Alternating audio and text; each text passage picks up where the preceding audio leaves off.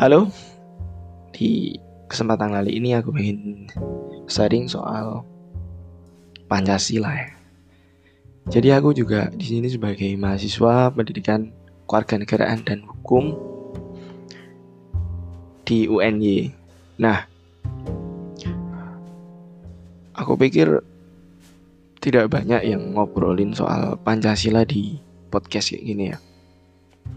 Dan pengen aja gitu aku ceritain soal Pancasila. Karena ini uh, sebagai landasan fundamen ya. Landasan yang benar-benar dasar untuk negara kita. Dan negara kita adalah negara bangsa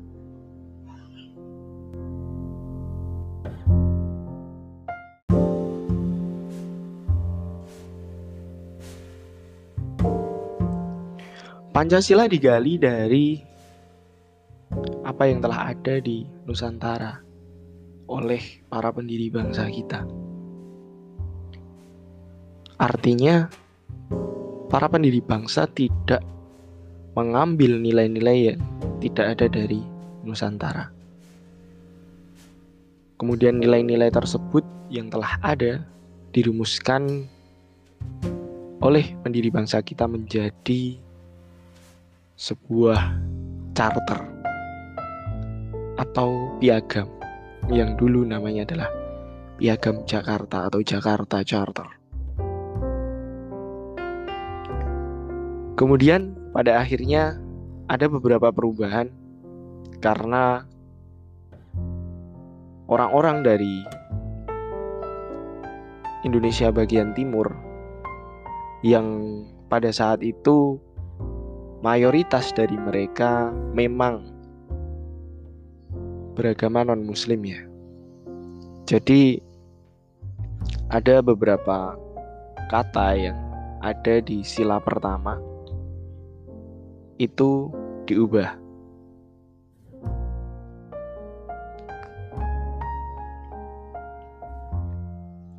Hal ini telah melalui beberapa proses orang-orang Indonesia bagian timur yang melontarkan protes ini dan melontarkan aspirasi ini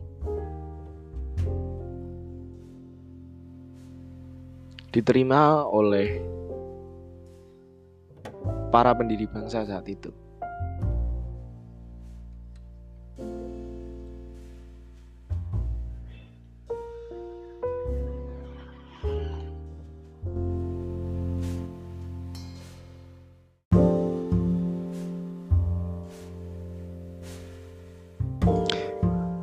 Kata-kata yang diubah dari Jakarta Charter waktu itu adalah ketuhanan dengan kewajiban menjalankan syariat Islam bagi pemeluk-pemeluknya.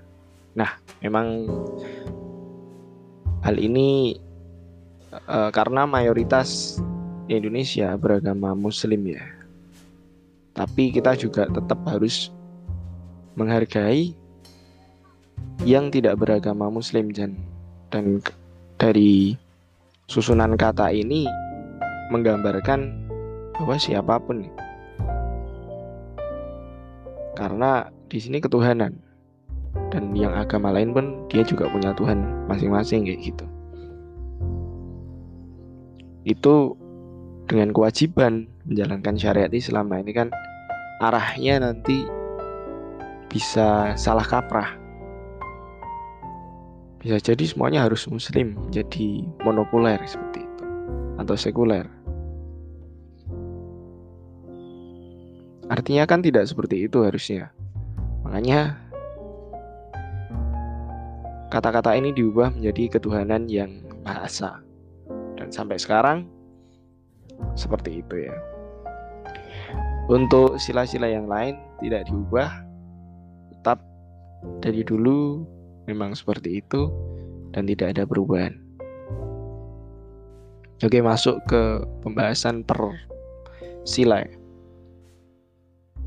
Sila yang pertama ini ketuhanan yang Maha Esa. Ketuhanan yang Maha Esa ini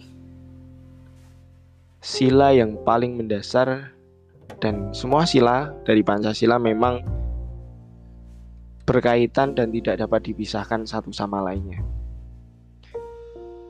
Sila yang pertama perwujudannya seperti apa sih gitu kan. Banyak orang mengatakan sila pertama ini adalah sila toleransi beragama. Benar, memang benar ini ada kaitannya dengan hal tersebut. Jadi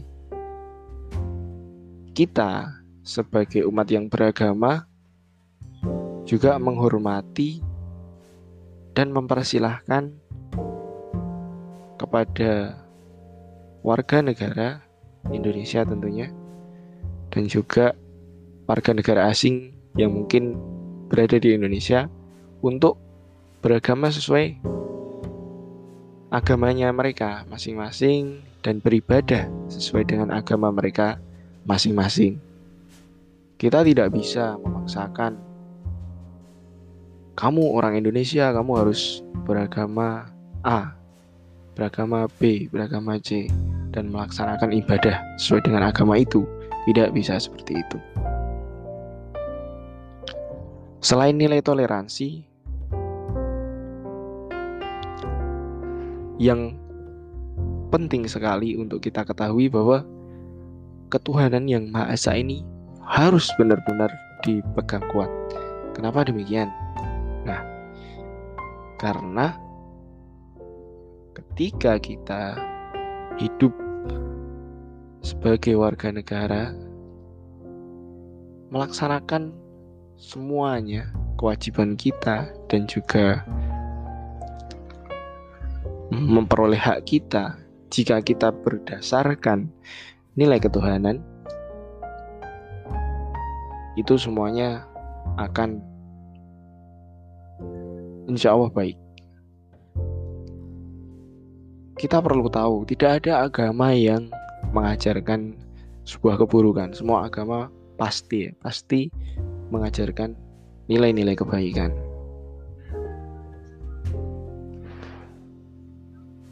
Nilai-nilai yang buruk dan yang mengatasnamakan agama ini saya pikir itu bukan ajaran agama tetapi itu jelas pasti melenceng dari agama dan itu bukan kepentingan dari agama itu sendiri gitu ya.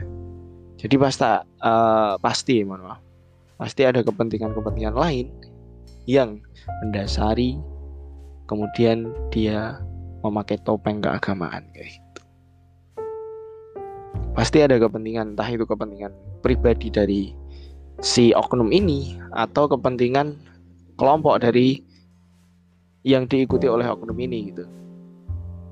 Mana tadi ada suara motor lewat ya.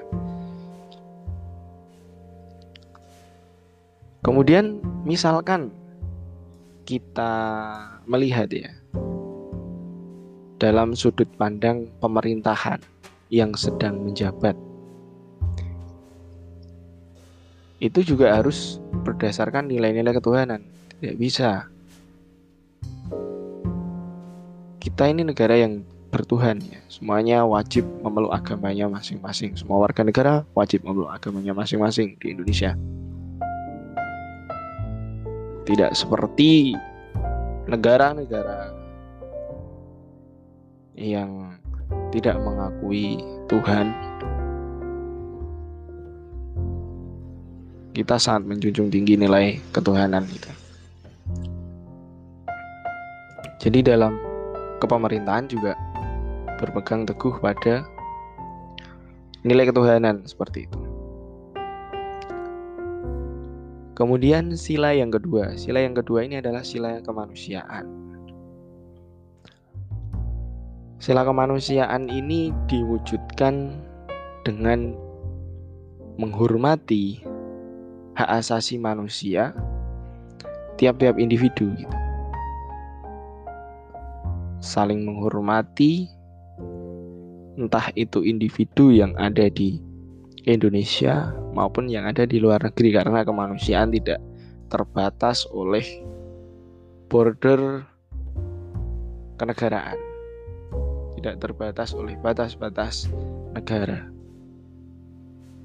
Ketika hak asasi manusia yang ada di luar negara Indonesia diinjak-injak, kita tentunya juga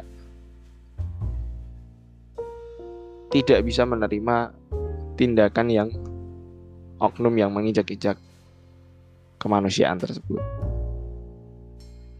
Misalnya ada penyerangan dalam konteks sekarang ini seperti Israel menyerang Palestina misalnya.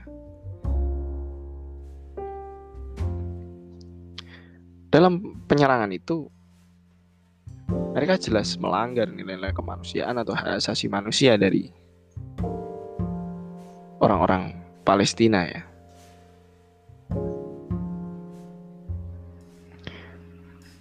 Dan inilah yang dapat diwujudkan gitu.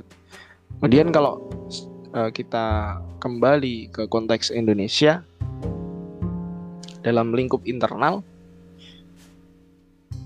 nilai kemanusiaan ini diwujudkan dengan seperti yang tertera dalam pembukaan Undang-Undang Dasar Negara Republik Indonesia tahun 1945 yaitu melindungi seluruh tumpah darah Indonesia. Jadi semuanya warga negara yang ada di Indonesia ataupun warga negara Indonesia yang ada di luar negeri kita negara Indonesia wajib melindungi itu semua. Karena hakikatnya hak asasi manusia ini tidak bisa diganggu gugat, tidak bisa dicabut. Kecuali keadaan yang sangat terdesak dan harus melakukan hal itu. Misalkan dalam hukum pidana gitu ya.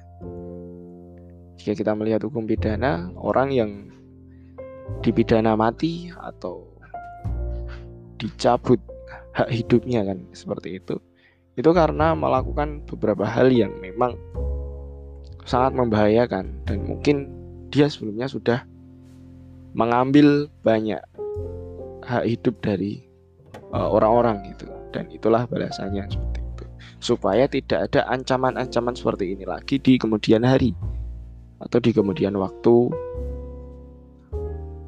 atau di lain kesempatan yang lain gitu jika tidak dipidana seperti itu. Kemudian sila yang ketiga. Sila yang ketiga adalah persatuan. Ini nanti kaitannya juga dengan simbol dari Bhinneka Tunggal Ika yang digenggam erat oleh Garuda Pancasila.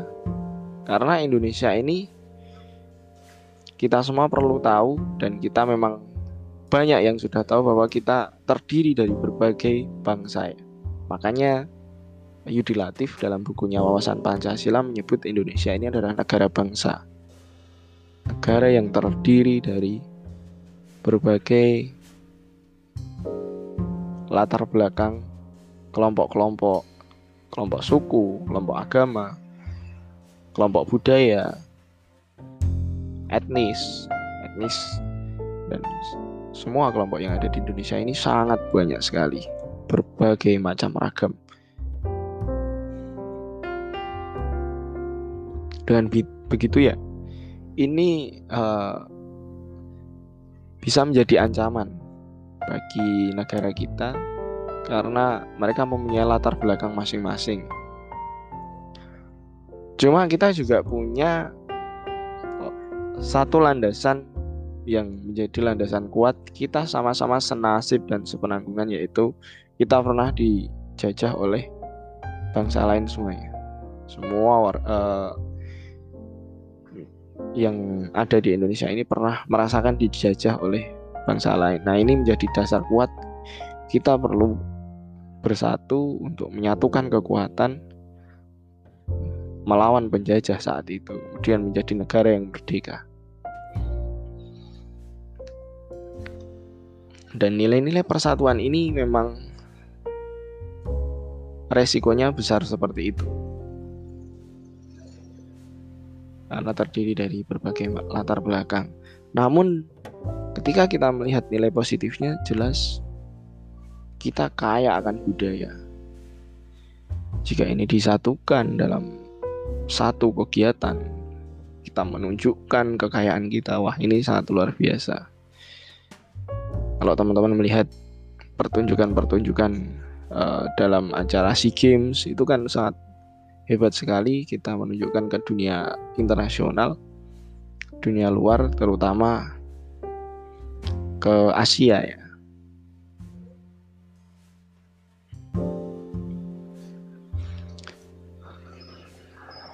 Dan perlunya saling menghormati juga eh, antar suku agama, ras dan semua golongan itu saling menghormati. Kemudian nilai yang keempat dari sila kerakyatan. Kerakyatan ini dipimpin oleh hikmat. Hikmat artinya pemimpin-pemimpin yang ada di Indonesia ini paham secara teori apa yang perlu dilakukan. Apa yang dibutuhkan Indonesia tetapi juga tidak sekedar teori tetapi memang hikmat itu menerapkan teori ini dalam praktek yang optimal. Kebijaksanaan, jadi kerakyatan yang dipimpin oleh hikmat kebijaksanaan, kebijaksanaan adalah kearifan. Jadi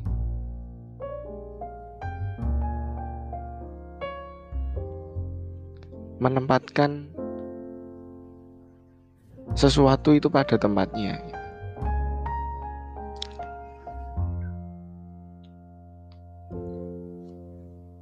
Dalam permusyawaratan perwakilan, setiap apa yang akan dilakukan oleh para pemimpin ini dimusyawarahkan dengan seluruh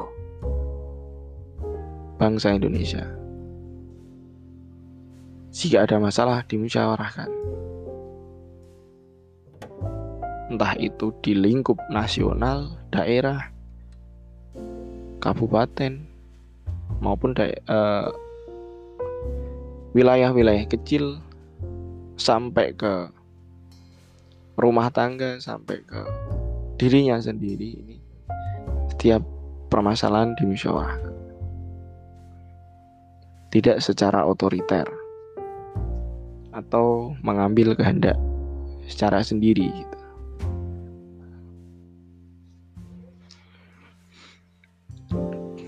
Kemudian perwakilan, perwakilan di sini Indonesia ini terbagi dari kekuasaan dengan sebutan trias politika kalau berdasarkan Montesquieu ya.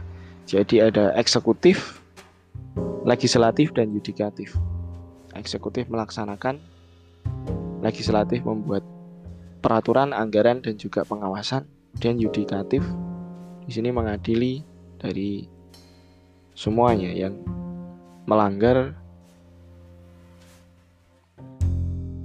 atau melakukan tindakan yang merugikan rakyat.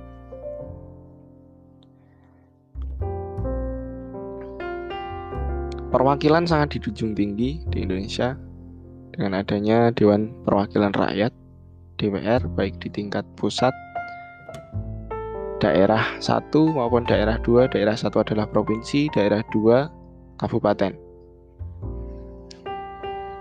Karena Indonesia menerapkan otonomi daerah. Nah makanya ketika pembuatan peraturan DPR menjaring aspirasi dari masyarakat apa yang perlu dan apa yang masyarakat butuhkan. Tidak hanya peraturan, ketika penganggaran, apa yang dibutuhkan masyarakat, apa yang diinginkan masyarakat. Kemudian masuk ke sila yang kelima adalah cita-cita besar bangsa Indonesia, keadilan sosial bagi seluruh rakyat Indonesia. tanpa terkecuali semuanya diinginkan akan seperti itu.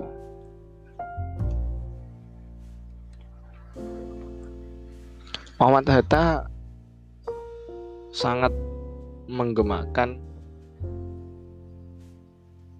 pelaksanaan kooperasi di Indonesia karena dengan adanya kooperasi ini ekonomi maju dengan kerjasama tidak ada satu dua tiga atau pihak-pihak yang kuat saja yang akan maju dalam ekonomi jadi semuanya merasakan kemajuan itu secara adil ya.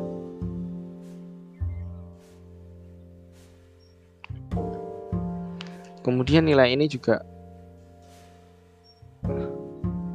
penerapannya dapat dilaksanakan dengan tidak adanya penindasan. Artinya meskipun dia yang memiliki kekuasaan ekonomi atau dia yang elit ekonomi tidak menindas para buruhnya dan memberikan kecukupan bagi para buruh ini tidak hanya cukup gaji makan dan gaji hidup bagi mereka, tetapi kehidupan ini juga tidak terbatas itu. Mereka juga berhak mempunyai tempat tinggal untuk kebutuhan pendidikan anak, untuk kebutuhan di hari selanjutnya setelah tidak bisa kembali bekerja, mereka masih punya tabungan. Nah, Eh, penguasa-penguasa ekonomi perlu juga menerapkan hal ini karena kenyataannya masih banyak juga yang uh, buruh-buruh ini ditindas itu itu yang menjadi PR bagi bangsa kita ini kooperasi secara besar maksudnya Eh, perusahaan-perusahaan yang strategis ini ternyata dikuasai oleh swasta. Banyak juga yang dikuasai oleh swasta seperti itu. Meskipun yang dikuasai oleh negara juga banyak. Tapi ke swasta di sini juga dia memiliki banyak kekuatan kayak gitu. Oke. Okay? itu dari semua sila yang udah dijelaskan ya tadi uh, masih ada slogan yaitu Bhinneka Tunggal Ika. Ini kaitannya dengan sila yang ketiga yaitu Persatuan Indonesia. Dan tidak jauh berbeda artinya memang seperti itu. Cuma perlu penekanan karena itu sangat uh, riskan ya. Persatuan Indonesia ini sangat riskan untuk dipecah belah. Entah dari berita hoax. Untuk saat ini ya untuk saat ini dari berita hoax sangat banyak oknum-oknum yang mengadu domba dan menebar kebencian memanfaatkan chaos ini untuk menghancurkan persatuan kita entah itu dari internal maupun dari eksternal. Tentunya karena memang mereka ini ada kepentingan-kepentingan tertentu gitu dan dan tidak bisa aku jelaskan gitu karena ini perlu analisis yang jauh lebih panjang dan juga perlu data-data yang valid kayak gitu. Dari mana si pengadu domba ini? Dari mana mereka berangkat untuk menebar kebencian gitu kan? Ada titik-titik keberangkatan dan juga mereka berangkat itu ada tujuannya kayak gitu nah ini perlu analisis yang lebih lanjut untuk hal ini oke mungkin itu dulu untuk sharing kali ini tentang Pancasila. Terima kasih sudah mendengarkan. Semoga bermanfaat. Dan selamat selamat apa? Yaudah gitu aja. Terima kasih ya. Bye